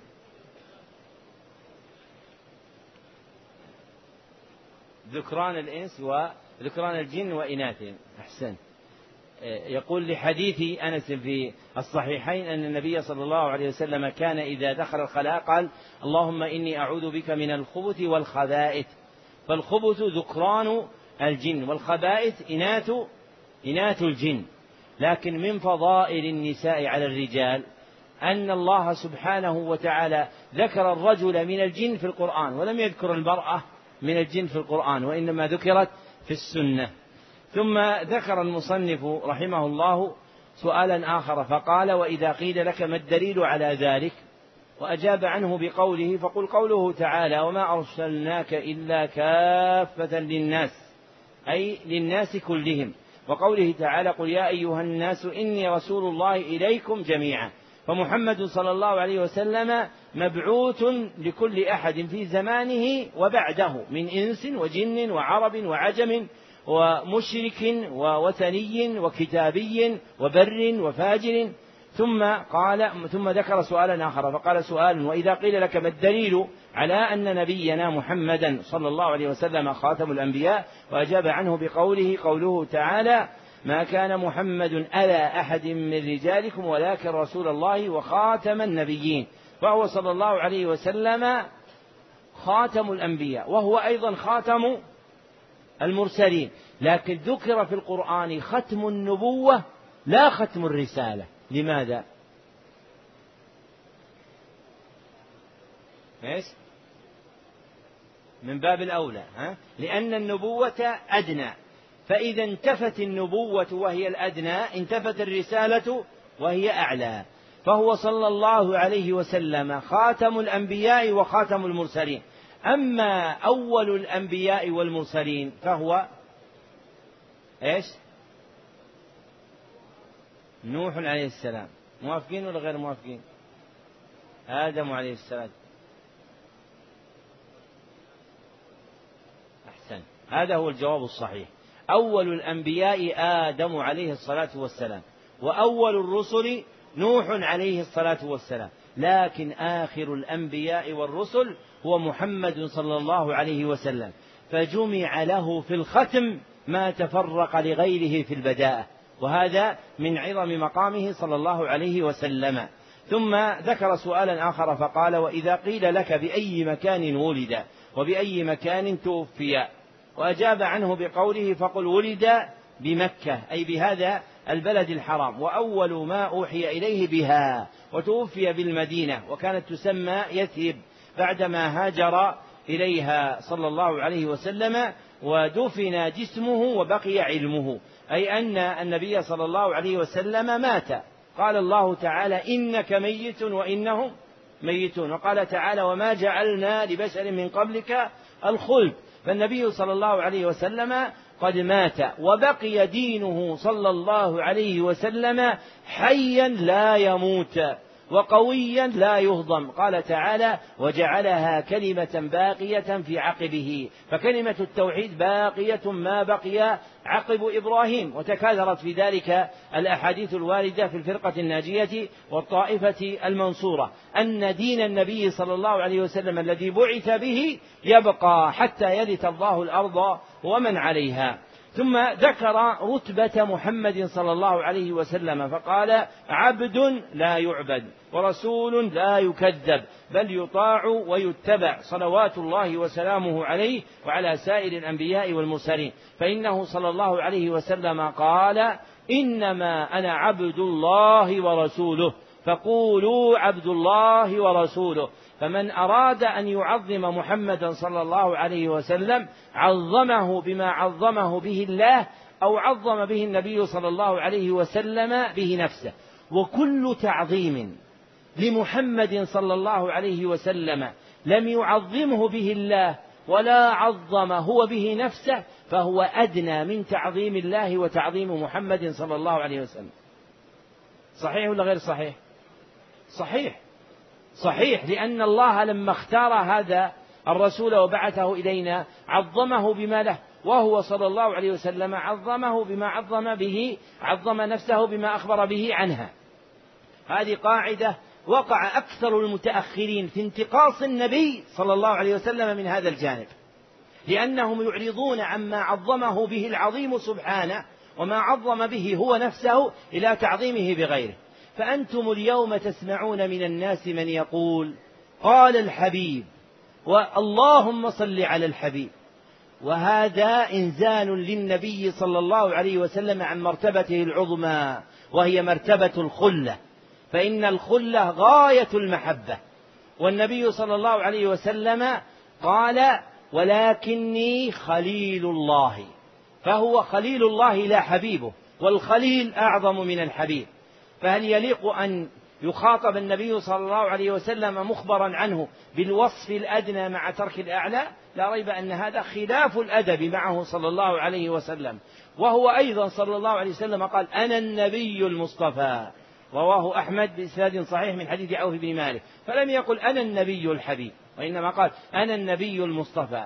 فمن عظم محبته للنبي صلى الله عليه وسلم عظمه بما عظمه به الله وبما عظم به نفسه. ومن ذلك أنه صلى الله عليه وسلم أخبر أنه إنما هو رسول وما على الرسول البلاغ إلا البلاغ.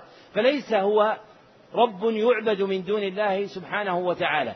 فالذي يعبد النبي صلى الله عليه وسلم قد جعله في غير المقام اللائق به. والمقام اللائق به كما قال المصنف بل عبد لا يعبد ورسول لا يكذب صلى الله عليه وسلم بل يطاع ويتبع. ثم ذكر سؤالا آخر فقال وإذا قيل كم أجداد النبي صلى الله عليه وسلم إلى عدنان؟ أي إلى جده عدنان. وأجاب عنه بقوله فقل هم واحد وعشرون وجمعهم بعض العلماء بقوله أبوه عبد الله عبد المطلب وهاشم عبد مناف قد حسب إلى آخر الأبيات المذكورة. واقتصر المصنف على هذا لأن نسب النبي صلى الله عليه وسلم إلى عدنان مجمع على صحته. ذكره ابن القيم في زاد المعاد وابن كثير في البداية والنهاية وابن حجر في فتح الباري. وأما ما عدا ذلك فإنه مختلف فيه مع الجزم بأن عدنان من ولد إسماعيل بن إبراهيم عليه الصلاة والسلام والجزم بأن إبراهيم من ولد آدم عليه الصلاة والسلام فالنسب النبوي ثلاثة أقسام. فالنسب النبوي ثلاثة أقسام. القسم الأول ما هو مقطوع بصحته إجماعا وهو إلى جده عدنان. فهو محمد بن عبد الله بن عبد المطلب بن هاشم بن مناف بن قصي إلى آخر نسبه صلى الله عليه وسلم إلى جده عدنان. والثاني ما هو مختلف فيه؟ فمنه صحيح ومنه ما هو مجهول. وما وهو ما بين عدنان إلى إسماعيل. فهذا منه أشياء تصح. حفظتها العرب. فإنه جدهم. ومنها أشياء لا تعلم صحتها. والقسم الثالث ما هو مقطوع بعدم صحته. ما هو مقطوع بعدم صحته. وهو ما بين إبراهيم إلى آدم. فهي قرون متطاولة لا يعلم قدرها. ونحن نعلم أن القدر الذي بين آدم ونوح كم قرن؟ عشرة قرون. ثبت هذا في الصحيح في صحيح البخاري. بين آدم ونوح عشرة قرون. ونوح جاء بعد وإبراهيم عليه الصلاة والسلام جاء بعد بعد نوح. فيكون قد جاء بعده بمدة طويلة ثم ما بينه وبين ذريته آماد طويلة. لا نعلمها علمها عند الله. ثم ذكر سؤالا آخر فقال وإذا قيل لك من هم أولاد النبي صلى الله عليه وسلم؟ ثم أجاب عنه بتعيينهم فقال هم القاسم وعبد الله ثم قال وإبراهيم وفاطمة وزينب ورقية وأم كلثوم وكلهم من خديجة إلا إبراهيم فأمه هي مارية القبطية. هؤلاء هم أولاده صلى الله عليه وسلم من الذكور والإناث. وذكر أن من أولاده الطاهر والطيب ويقال المطهر والمطيب. والصحيح أن هذان لقبان لابنه عبد الله أن هذان لقبان لابنه عبد الله فيلقب بالطاهر والمطهر وبالطيب والمطيب. ثم ذكر سؤالا آخر فقال وإذا قيل لك من هن زوجات النبي صلى الله عليه وسلم؟ وأجاب عنه بقوله فقل أولهن خديجة ثم سودة ثم عائشة ثم حفصة إلى تمام ما ذكره. وهؤلاء كلهن مجمع على كونهن زوجات للنبي صلى الله عليه وسلم. سوى ريحانة بنت زيد فمختلف فيها. فمن أهل العلم من يقول إنها زوج له ومنهم من يقول إنها كانت أمة يطأها بملك الأمين ولم تكن زوجة له. والصحيح هو الثاني وهو اختيار أبي عبد الله بن القيم وغيره أنها لم تكن معدودة في زوجاته وإنما في إمائه ومملوكاته.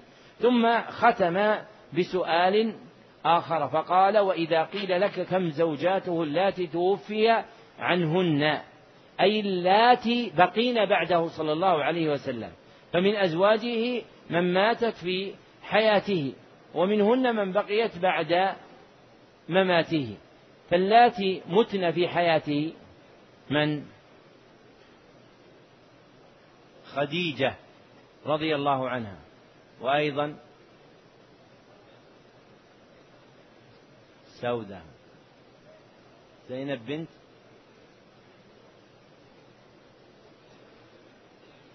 زينب بنت خزيمة رضي الله عنها فهاتان توفيتا في حياته وأما التسع المعدودات فبقينا بعده. وهن كل ما سوى من تقدم من المعدودات سوى زينب بنت خزيمة رضي الله عنهن فبقي بعد موته صلى الله عليه وسلم تسع. كانت آخرهن وفاة. من؟ من آخر من توفي من زوجات النبي صلى الله عليه وسلم. سودة بنت زمعة. وأن تقول عائشة رضي الله عنها. وآخر زوجاته صلى الله عليه وسلم وفاة هي ميمونة رضي الله عنها. هي ميمونة رضي الله عنها. وكانت وفاتها